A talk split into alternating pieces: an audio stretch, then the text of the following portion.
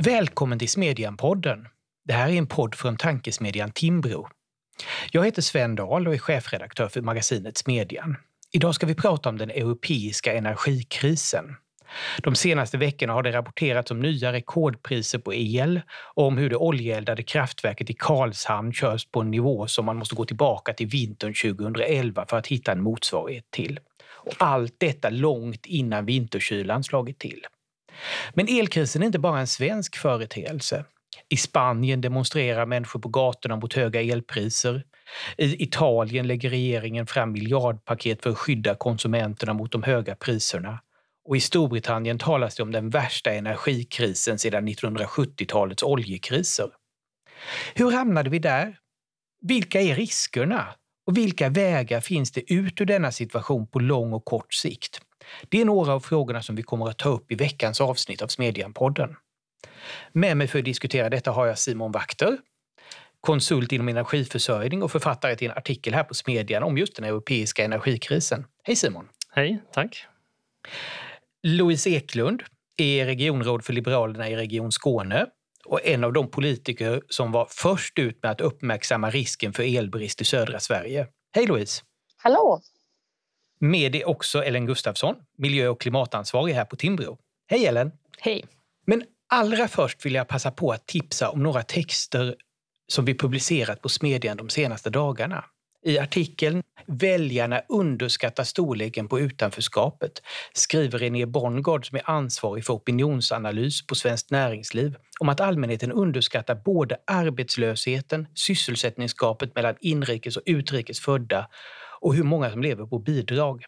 I en annan artikel, Sjöfartsberoendet är försvarspolitikens blinda fläck, skriver försvarsdebattören Patrik Oksanen om hur Sveriges marina förmåga inte alls motsvarar vårt behov av öppna farleder för både export och import och varför det borde mana svenska försvarspolitiker till eftertanke.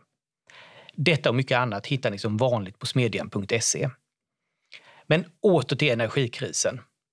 Simon, i förra veckan skrev du en artikel på Smedjan med rubriken “Energipolitiken har hunnit ifatt Europas regeringar”. I den målar du upp vad som närmast kan beskrivas som en perfekt storm där omvärldshändelser i form av bland annat stiltje tillsammans med de senaste decenniernas energipolitiska beslut triggar igång dagens kris. Simon, vill du ge våra lyssnare en kort sammanfattning av hur vi hamnat i den här krisen? Ja, absolut. Om man ska sammanfatta det stort så får man ändå säga att vi teklöst har hamnat i en energikris. Och eh, det är dels en gaskris och jag hade kanske velat kalla det för den första gaskrisen. Men det är också en egenfabricerad energikris. Man har satt sig i den här situationen själva. Och därför tycker jag inte heller det är fel att säga att eh, det här är energipolitiken har hunnit fatt politikerna. Vi har sett eh, europeiska gaspriser har stigit 1300 procent sedan maj 2020. De är 500 procent högre än snittet från 2010 till 2020. Och vi ser att industri runt om i Europa behöver stoppa sin produktion och energibolag går i konkurs. Eh, energibolag med miljontals kunder. Eh, och de här effekterna börjar nu krypa in och få stora makroekonomiska effekter eller följdeffekter. Och oavsett om man då räknar med inflation som ibland inte energi som kanske inte ingår som ett inflationsmått så får man ändå följdeffekter när energipriserna läser sig ner i matpriser, i andra industripriser, stålpriser. Eh, och de effekterna börjar vi nu se runt om i Europa. Men vilka är de viktigaste faktorerna bakom den här utvecklingen? Ja, det är ganska komplicerat att förklara. Om man ska förklara det helt så får man nog backa bandet ganska rejält tillbaka till 2014, 2015 och då ser man att investeringar i fossila energislag börjar minska runt om i världen och har liksom varit en nedåtgående trend. Sen kan man se från förra året då med coronakrisen som dessutom var ett enormt starkt vindår, framförallt i Europa. Då såg man att investeringarna i eh, framförallt fossil gas och olja som nådde under 0, eh, dollar per fat eh, Eh, de stoppades i princip helt. Så det omkullkastade alla ordinarie eh, investeringsplaner, underhållsplaner. Dessutom hade man ju covid-pandemin så man fick pausa en stor del underhåll och investeringar som man hade tänkt att genomföra. Och eh, det här är ju del av en ganska naturlig boom-bust-cykel som, där priset varierar. Liksom. Dels är det en effekt av att man är ganska beroende av någon slags just-in-time-leveranser även om det finns lager, men de har vi skurit ner på nu. Eh, och eh, då när investeringarna i princip stoppades helt under början av 2020, april-maj, så ser vi effekterna av det nu. Och flera analytiker pratade redan då om att när oljepriset gick under 0 dollar att vi inom kort skulle kunna se ett oljepris på 100 dollar per fat och det är där vi närmar oss nu. Ehm, sen har den här energikrisen vandrat lite runt om i världen. Och först så slog den till i Japan, i Asien. De hade väldigt kallt väder. Japan är väldigt eh, resursberoende men har dåligt med naturresurser själva så de är beroende av att importera dem. Eh, och när de fick en väldigt kall vinter så stack gaspriset iväg och eftersom att man både värmer hus och tillverkar el med den här gasen då, så stack även elpriset iväg rejält och man hamnade någonstans runt 12 kronor per kilowattimme. Sen hade vi då vinterstormen i Texas som inte bara påverkade att gaspriset och elpriset där drog iväg till smått ofantliga 90 kronor per kilowattimme hade de. Alltså varaktigt i flera dagar. Eh, och folk har eh, elräkningar på tiotusentals kronor. Eh, ett, så dessa olika chockevent har liksom kombinerat tillsammans med pandemin och andra underliggande faktorer som gjorde att man i Texas då efter inte kunde producera gas, inte kunde exportera den. Och den här gaskrisen har vandrat runt världen och nu har den nått till Europa. Och så samtidigt som vi ser eh, att eh, i Japan vill man inte upprepa misstagen man gjorde förra vintern så man köper in mycket gas i förtid och ser till att man lagrar. I Brasilien har man den värsta torkan på länge så man köper mer gas än vad man brukar göra. Ungefär lika mycket gas som Japan köper just nu. Och eh, i Europa då så har vi ett utbrett beroende av både gas för uppvärmning, framförallt på kontinenten. Då. I Sverige så har vi inte så mycket gas för uppvärmning. Eh, både gas för uppvärmning och gas för elproduktion. Och då konkurrerar de här två både med varandra och internationellt med alla andra världsdelar som också vill ha gas samtidigt. Eh, så någonstans där sitter vi nu då, eh, i en gaskris. Louise, du var en av de första svenska politiker som var ute och varnade för risken för elbrist i södra Sverige. Instämmer du i den bild som Simon målar upp och hur allvarlig är elkrisen i södra Sverige idag? Mm, tack så mycket. Ja, men det är en eh, otroligt intressant artikel och eh, jag uppskattar verkligen det här internationella anslaget och det behövs. Eh, jag tror att vi måste börja förstå och prata om även svensk energipolitik i den här kontexten. Eh, och just det här med stora problem med energiförsörjningen, det har vi ju levt med i södra Sverige länge. Eh, 2018 så började vi i politiken och även det sydsvenska näringslivet att lyfta frågan om en lokal elbrist till regeringen och då till ansvarig minister Anders Ygeman. Eh, det svaret vi fick då och det som vi faktiskt fortfarande får det är ju att vi inte har någon elbrist i Sverige. Eh, och det är ju på ett sätt sant och det visar på komplexiteten i det här systemet att man, vi kan samtidigt ha periodvis ett elöverskott som vi då exporterar till till exempel våra grannländer. Eh, det hjälper ju inte oss i södra Sverige som inte har tillgång till det här överskottet eh, eftersom vi inte har tillräckligt med överföringskapacitet från norr till söder. Det är liksom, man skulle kunna göra en parallell till att säga att vi inte har någon bostadsbrist i Sverige, vilket också är sant men inte hjälper den som letar bostad i Stockholm. Så att eh, det vi ser nu är att vi har fortsatt problem med elförsörjning i södra Sverige. Vi har skenande elpriser. Det slår nog så oerhört hårt mot det sydsvenska näringslivet. Eh, vi har företag som redan tidigare övervägde att flytta utomlands för att de fick inte ekonomi i verksamheten om de hade kvar det. Alltså den, den problematiken har ju bara förstärkts med de senaste veckornas elpriser. Eh, och det är ju en jättestor utmaning eftersom det oftast är till exempel tillverkande företag som är en bra bra steg in på arbetsmarknaden för många som inte till exempel har svenska som, som första språk eller som inte har fullständiga gymnasiebetyg. Eh, vi är på väg att rasera en arbetsmarknad eh, för väldigt många skåningar just nu. En sak som slår mig när jag läser artiklarna om energikrisen och inte minst din text eh, Simon är ju att väldigt många beslutsfattare under ganska många år tycks ha glömt bort att det faktiskt inte alltid blåser.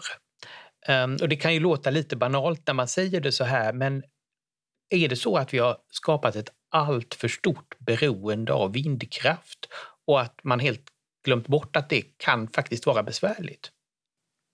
Ja och nej skulle jag säga. Dels så kan man ju med rätta säga att vindkraften skyddar oss från höga fossilgaspriser för att vindkraften är billig och att bygga ut den gör att vi använder mindre fossil energi. Samtidigt så har vi sett eh, en energipolitik runt om i Europa där många länder har förlitat sig på att andra länder ska rädda dem. Och då, eh, det finns eh, han som är chef för energimarknader på Bloomberg beskrev det som att Europas politiker har gått som sömngångare in i den här energikrisen. Och när man har lagt ner mycket planerbar kraftproduktion, både fossil och fossilfri, alltså kärnkraft runt om i Europa. Och sen samtidigt bygger ut en stor mängd vindkraft under antagandet att det alltid kommer blåsa att någon annan, eller att någon annan kommer ha resurserna. Det behöver inte vara vindkraft för att rädda en. Då sätter sig alla i samma dåliga situation samtidigt. Fastän vi vet att det finns och uppstår situationer där det inte blåser och det finns utbredd stiltje till exempel över hela Europa. Och även om det inte självt orsakar den här energikrisen så har det inträffat samtidigt som vi har de här höga gaspriserna och lite kallare väder. Och det har då bildat den här perfekta stormen kan man kalla det. Ellen, mm. vad, vad säger du om detta? Nej, men det är klart att det är ett eh, politiskt misslyckande att vi eldar olja i Sverige i en takt som vi inte har gjort på, på tio år. Och att, jag, jag tycker att det är anmärkningsvärt det här spinnet som man försöker få till på den här frågan från, från, från vänstern, inte minst från Miljöpartiet. Det vill säga att, att Karlshamnsverket eh, de, de eldar bara olja för att de tjänar pengar på det. Eh, jag tycker att det visar på en häpnadsväckande oförståelse för, för hur en marknad fungerar. Det är klart att de tjänar pengar på det, men frågan är ju varför gör de det? Varför ser priset ut som det, som det gör idag? Eh, för faktum är att det hade inte kallats in nödvändigtvis på det sätt som det har gjort idag eller anropats av marknaden om det hade funnits en större tillgång till, till fossilfri, eh, fossilfria billigare alternativ på marknaden. Eh, och det har ju mycket att göra med, precis som ni är inne på, det här, de här väderberoende eh, energislagen. Och det är någonting som också har lyfts upp i den här frågan, det vill säga att det har, det har blåst dåligt, eh, det har varit molnigt eh, och, och det, det accepterar man så att säga som, som legitima förklaringar förklaringar för, för varför, eh, varför elpriset är högt. Men när man säger, sen pekar ut att eh, samma logik gäller för kärnkraften, det vill säga att det är klart att ett minskat utbud av fossilfri elproduktion för kärnkraften påverkar prisbilden. Det, det vill man liksom inte acceptera. Vad säger du, Louise? Nej, jag kan bara instämma. Det är ju det, det är väldigt tydligt nu med Karlshamnsverket, det är väldigt visuellt när man ser röken där ur, ur skorstenen. Men, men jag menar, det, det, kan ju inte komma som, som en överraskning för någon. Det är inte heller nytt. Eh, nu är det ju nu är det, nu är det Karlshamnsverket som står i fokus men jag menar, i södra Sverige är vi beroende av att importera fulel, el från kol och naturgas, främst från Danmark. Det har vi ju gjort under en, en lång tid och vi har redan när beslutet togs om att stänga ner kärnkraften i södra Sverige ställt frågor om vad kommer att hända med energiförsörjningen? Hur ska vi klara den gröna omställningen när vi behöver importera eh, fossil el från utlandet? Det, det har vi gjort i flera år, det är inget nytt. Det är en konsekvens av den, den politik som förs. Eh, mm. Jag tycker att just Karlshamnsverket blir ju en väldigt tydlig symbol för just eh, ja, klimataspekten av det här. Och ett, en sak som du skriver om i artikeln Simon är just att den här energikrisen sätter ja, men klimatomställningen på spel och att det är många europeiska politiker som just nu med hänvisning till, till energipriserna säger att det är dags att dra ner på tempot i klimatomställningen. Hur stort är det klimatpolitiska misslyckandet här, Simon? Just nu så står vi och väger och det riskerar att bli ett ofantligt stort misslyckande. Eh, vi vet att det finns en stor känslighet för, en, eh, för energipriser eh, och eh, jag anser personligen då att eh, energi är ju det som eh, är grunden för all verksamhet i samhället. Utan energi stannar hela samhället. Och därför är det trist att se att det finns en så låg medvetenhet både bland politiker på europeisk nivå och i Sverige där man debatterar om eh, Karlshamnsverket tjänar pengar eller inte. De tjänar för övrigt minst pengar av alla just nu eftersom att alla andra får samma marginalpris. Så de andra tjänar mer pengar. Och en oförståelse för hur energimarknader fungerar och hur ens politiska beslut får verkliga långsiktiga effekter. Håller du med här, Louise? Är det här, riskerar det här ja, men klimatomställningen? Ja, det gör det. Eh, jag känner en stor oro över hur vi ska, eh, hur vi ska klara den gröna omställningen. Det, allting pekar nu på att vi går åt helt fel håll, inte bara i Sverige utan i Europa i stort. Eh, och för mig så blir det lite här där vi, vi har fortfarande valmöjlighet men, men någonstans har både den svenska energipolitiken och som jag nämnt tidigare debatten om, om energipolitik hamnat fel. Det behöver inte finnas en motsättning mellan en stabil tillgång till el och den gröna omställningen. Vi har redan idag en elproduktion som är fossilfri, som är planerbar, som är stabil och det är då i våra kärnkraftverk. Eh, att stänga ner dem har varit ett misstag. Jag tycker att det är det vi nu ser konsekvenserna av. Nej, men jag skulle säga att det här äventyrar klimatomställningen på två olika sätt, både, både praktiskt och politiskt. Eh, om man ser till det praktiska skulle jag säga att det finns en glipa mellan verkligheten och, och politisk retorik. Man talar ofta om elektrifiering och ser det som ett, som ett verktyg för att ställa om transporter, industri och delar, andra delar av samhället.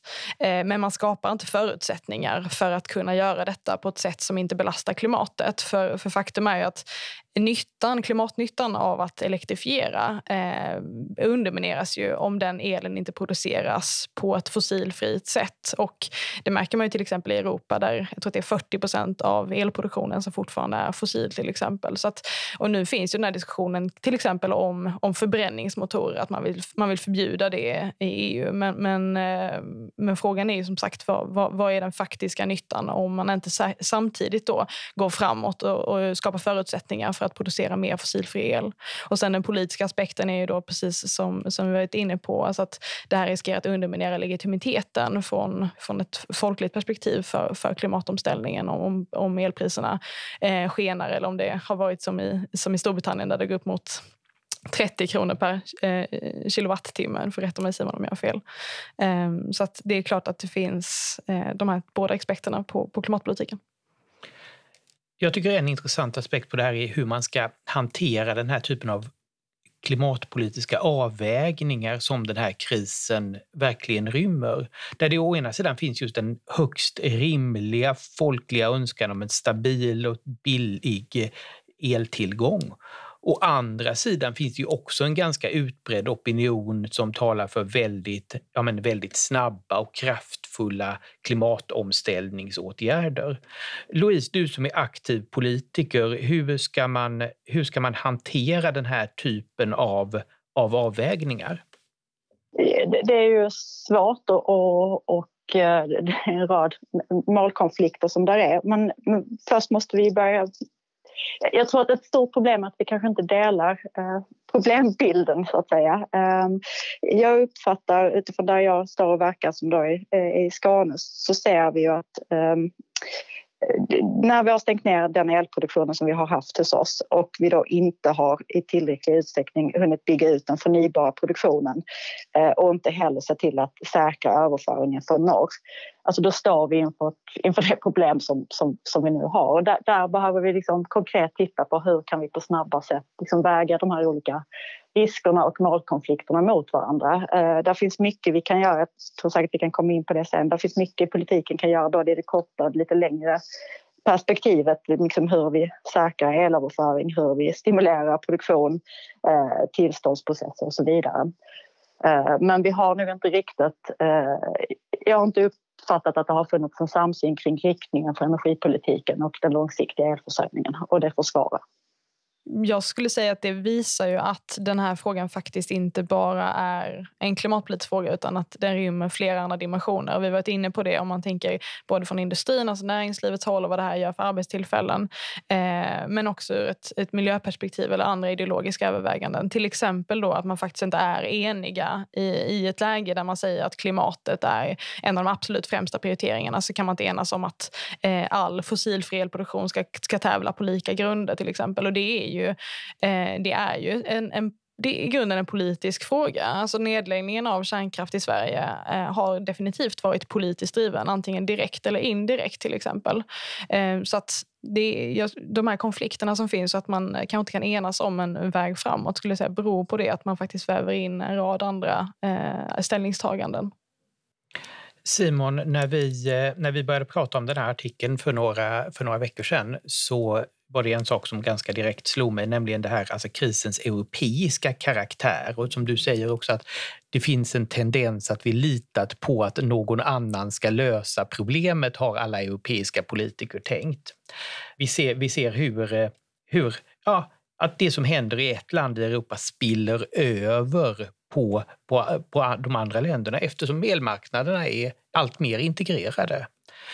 Ehm, samtidigt minns jag så här hur politiker som i den, eh, den senaste Europaparlamentsvalrörelsen pratade om eh, behovet av att bygga mer kärnkraft ganska så här raskt avfärdades med att det är ju inte en, en EU-fråga. Borde man gå i riktning mot att en stabil planerbar elproduktion, att det skulle bli mer av en gemensam angelägenhet?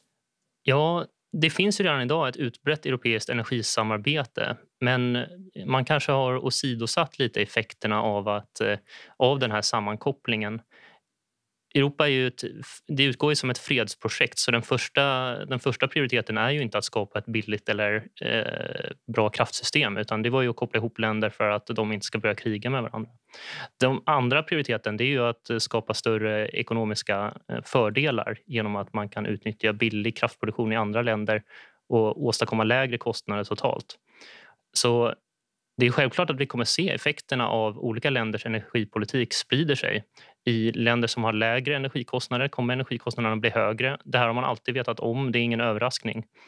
Eh, och när många nu gör kanske om man ska kalla det populistiska prioriteringar eller man favoriserar olika kraftslag och genomför förändringar och förväntar sig att alla de andra länderna ska rädda en med deras energipolitik eller att eh, ja, det ska komma någon yttre kraft och rädda en då tror jag att det, det riskerar att bli rejält snett. Och Det är ungefär det vi ser nu. I Tyskland använder man ungefär lika mycket gas och energi för uppvärmningen som man använder el. Och Den har man inte ens börjat skala ner. 90% av den är fossil. När elkostnaden sticker iväg nu då riskerar man hela omställningen av uppvärmning, av transport i Tyskland. Eh, och eh, att flera länder har genomfört en avveckling av kärnkraften. Vi har sett det i Tyskland, vi har sett det i Frankrike, vi har sett det i Schweiz, Spanien, eh, Storbritannien, även här hemma i Sverige. Då är det klart att det får effekt. Vi kan ta som ett exempel, i Illinois nu så räddade man precis fyra stycken kärnkraftverk. Dresden och Byron heter de och ligger i Illinois. De fyra kärnkraftverken utgör ungefär 1 av världens 440 kärnkraftverk. Om kärnkraften totalt i världen står för 10 procent av den totala elproduktionen och man nu räddade 1 procent av kärnkraftverken så innebär det att man i ett slag räddade 0,1 procent av världens elproduktion. Det är de storleksordningar vi pratar om när man lägger ner kärnkraft eh, i Europa. Och det är klart att det får följdeffekter. Eh, så ja, det, det, är klart att det är ett europeiskt eh, misslyckande. Vad säger du, Ellen? I grund och botten så är det bra att vi har en marknad där vi kan handla med el. Eh, och jag tycker också i grund och botten att, att medlemsländerna själva ska, ska få styra över, över sin elproduktion. Eh, för att faktum är att bara för att man lyfter upp en fråga på gemensam nivå så betyder inte det att det kommer gå i en önskvärd riktning. Och det är väl det som, är, som skulle kunna vara ett eventuellt problem. Eh, till exempel i den här taxonomin som man, som man diskuterar om just nu i EU så, så har man ju, det är ett regelverk för hållbar investering förändringar. Och där har man haft en diskussion kring eh, hur, hur, hur olika, huruvida olika verksamheter ska klassas som hållbara eller inte. Och I början så var det ju bland annat mycket diskussioner kring, kring vattenkraften. Det, det var också, och det fortsatt diskussioner om hur man ska klassa kärnkraften. Eh, så att, låt säga att ja, alla, all den typen av planerbar el skulle, skulle få hinder att klassas som hållbara. Det skulle ju få, få stora effekter för, för elmarknaden såklart. Så att det finns ju risker med att man, med att man lyfter upp detta på, på, på en mer gemensam nivå. Samtidigt så tycker jag också att man kan fråga sig, ska man kunna få misshandla sitt elsystem hur mycket som helst när, när, de, när konsekvenserna av det spiller över på andra länder? Eh, jag tänker till exempel då på, på Tyskland eh, som då beslutade eh, i samband med Fukushima att man ska lägga ner kärnkraften till, till 2022 samtidigt så behåller man kolkraften till 2038. Eh, eh, det, det säger ju mycket också om, om just den här politiska offensiven mot mot, mot kärnkraften trots att den är fossilfri. Louise, hur ser du på de här frågorna? Finns det ett behov av en tydligare europeisk energipolitik? Eh, nej, men så är det ju att våra grannländers eh, energibehov och därmed politik eh, det påverkar både elproduktionen och prisbilden även i Sverige. Så att, eh, jag tycker att det hade varit välkommet med en gemensam syn i alla fall på riktningen av energipolitiken och en, liksom en gemensam plan för vilken beredskap man har på situationer som denna. Men, men det som jag tycker är det kanske allra viktigaste det är ju att vi börjar placera den europeiska energiproduktionen i en säkerhetspolitisk kontext. Och vi är lite inne på det här och Simon du berörde i texten när du tar upp med eh, Tysklands, eh, mm, ja vad ska jag säga, den Nord Stream 2-länken eh, nu som byggs och snart ska börja tas i bruk. Eh, när man då, i Tyskland tog beslutet att stänga ner kärnkraft och fasa ut kolen då var det ju en, ett, eh, en tanke att man framöver skulle behöva eh, få gasleveranser från Ryssland. Eh, Nord Stream kan inte ses som bara en infrastruktur för energi. Det är också ett enormt kraftfullt påtryckningsmedel för Ryssland. Och jag anser att, att flera europeiska länder nu därmed gör sig beroende av rysk gas är säkerhetspolitiskt väldigt vanskligt det är också en utveckling som, som det är alldeles tydligt att det inte har gått obemärkt förbi på världsscenen. Eh, USA har de senaste åren bistått länder som Bulgarien och Rumänien i att bygga upp eh, kärnkraft. Eh, Storbritannien har ingått partnerskap med Ukraina där man då säger att man vill hjälpa landet att eh, förbättra deras energisäkerhet. Eh, detta är ju ingen slump. Eh, att Europa gör sig energipolitiskt beroende av länder som Ryssland det är ett säkerhetspolitiskt hot. Det har USA förstått, det har Storbritannien förstått och jag hoppas verkligen att Sverige och Europa snart börjar inse det också. Simon?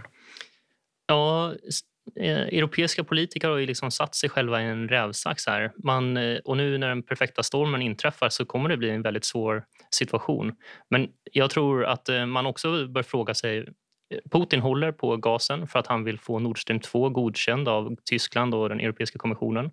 Har inte bokat någon överföring genom Ukraina för man vill inte betala transiteringsavgifter till Ukraina. Och eh, så sätter man ju såklart eh, Europa lite på eh, ja, ytterligare en rävsax då, eftersom att det är kallt och man behöver den här gasen. Men man bör fråga sig vad är ännu värre då än att Ryssland håller på gasen och inte ger oss en gas? Ja, det är kanske att Ryssland inte har någon extra gas. Det finns eh, ganska omfattande stöd för att Ryssland inte håller på gasen helt utan att de har svårigheter att leverera gas. De har brist på lager på egen hemmaplan, brist att leverera. De har också eftersatt underhåll. Och ja, vad är värre än att Ryssland inte ger oss gas? Ja, det är att de inte har någon gas. Då sitter vi ordentligt fast. Men hur kortsiktigt, hur illa kommer det att bli nu när vi närmar oss höst och vinter och att temperaturerna faller? I Storbritannien är man ju väldigt, väldigt bekymrade om man läser brittiska medier. Ja, absolut. Vi har ju sett... Eh, I Storbritannien utspelar sig ju också en bensin och dieselbrist. Det beror ju snarare kanske på Brexit och en brist på arbetskraft och lastbilschaufförer. Så den är lite skild från det här. Men där ser man ju effekterna när man ser eh, kort planering och så panikköp. Och det skulle jag ju säga är en ganska hållbar strategi. Man panikköper först och frågar frågar senare. Liksom. Det kanske vi ser på europeisk nivå också om det här eh, blir någonting panikmässigt som sprider sig och som dessutom förstärks då av väderfenomen, alltså utbredd stiltje eller att det blir väldigt kallt i vinter. Vad säger du Louise, vad kan politiker göra på kort sikt för att, eh, för att begränsa de här problemen? Ja, men det är väl lite det vi ser i Europa nu och det är väl inga, eh, det är väl inga lösningar som någon eh, önskar sig. Där, eh, den italienska regeringen lägger fram åtgärdspaket. Det gör man även i Spanien med sänkt skatt och moms på el. Alltså detta är lite panikåtgärder. Vi ser det även i Frankrike och Grekland. Men igen, det absolut mest effektiva politiken kan göra här och nu det är i Sverige att riva upp beslutet att stänga ner den svenska kärnkraften finns ingen annan åtgärd som lika snabbt effektivt säkrar elproduktionen. Eh, och detta då utan att ehm, eh, vad ska jag säga, driva på växthusgaserna. Eh, så, eh, ja, vi har varit inne på det tidigare eh, men eh, jag, kan, jag förundras av den eh, nästan totala passiviteten från, från den svenska regeringen i den här frågan. Eh, jag kan inte märka att det sitter ett grönt parti som är med och styr över energipolitiken och de svenska utsläppen. Problemet är ju att eh, det här inte bara är en kortsiktig fråga utan det är också en, en, eh, en väldigt långsiktig sådan. Och eh, det som behövs är att det kommer incitament på plats för, för utbyggd eh, fossilfri elproduktion. Eh, och det handlar också om att avreglera, alltså att, att möjliggöra eh, för att till exempel då bygga ut det. Idag så får man ju bara bygga kärnkraft på, på de tre platser i landet där det finns kärnkraft idag. Eh, det får inte övers, överstiga eh, tio reaktorer, vilket är ett problem givet den nya typen av eh, teknik som finns med små modulära reaktorer som, som kan serietillverkas och som drar ner kostnaderna. Eh, men det, eh, så att fördelarna av det minskar när du inte får producera hur många som helst.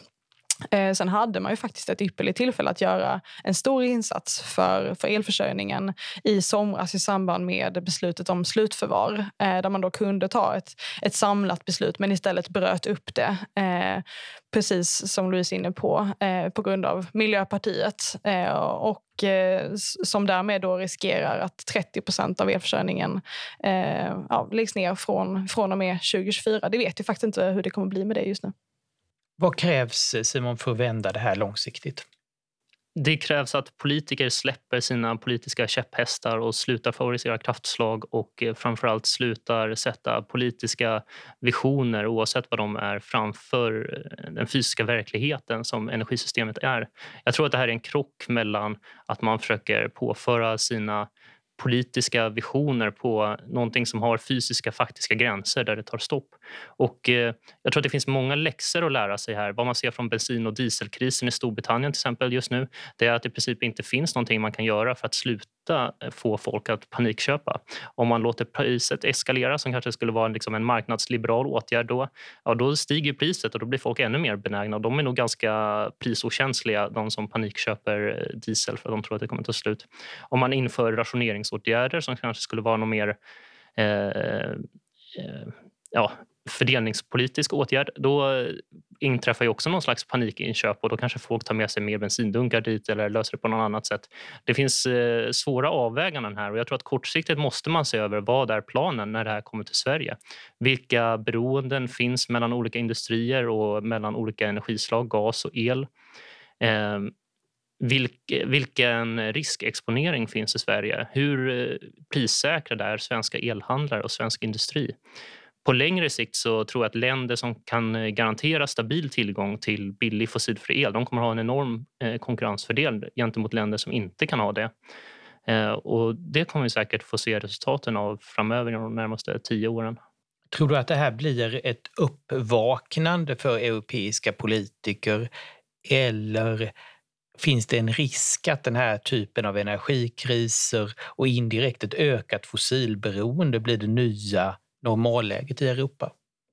Jag hoppas det, verkligen att det blir det. Eh, man har ju infört alla möjliga olika åtgärder. Vi kan se på Storbritannien som var det första landet att avreglera sin elmarknad. I princip nu har det återreglerat, men de sitter nästan värst fast i den här rävsaxen. Eh, så jag tror att man måste se mer till helheten, se mer till säkerhetspolitiska avvägningar också och eh, framförallt våga sätta sina eh, egna Eh, favoritbilder av kraftsystemet åt sidan och se till verkligheten.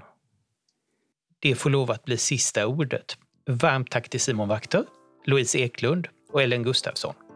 Tack också till er som lyssnat. Vi ses på smedjan.se och hörs igen här om en vecka.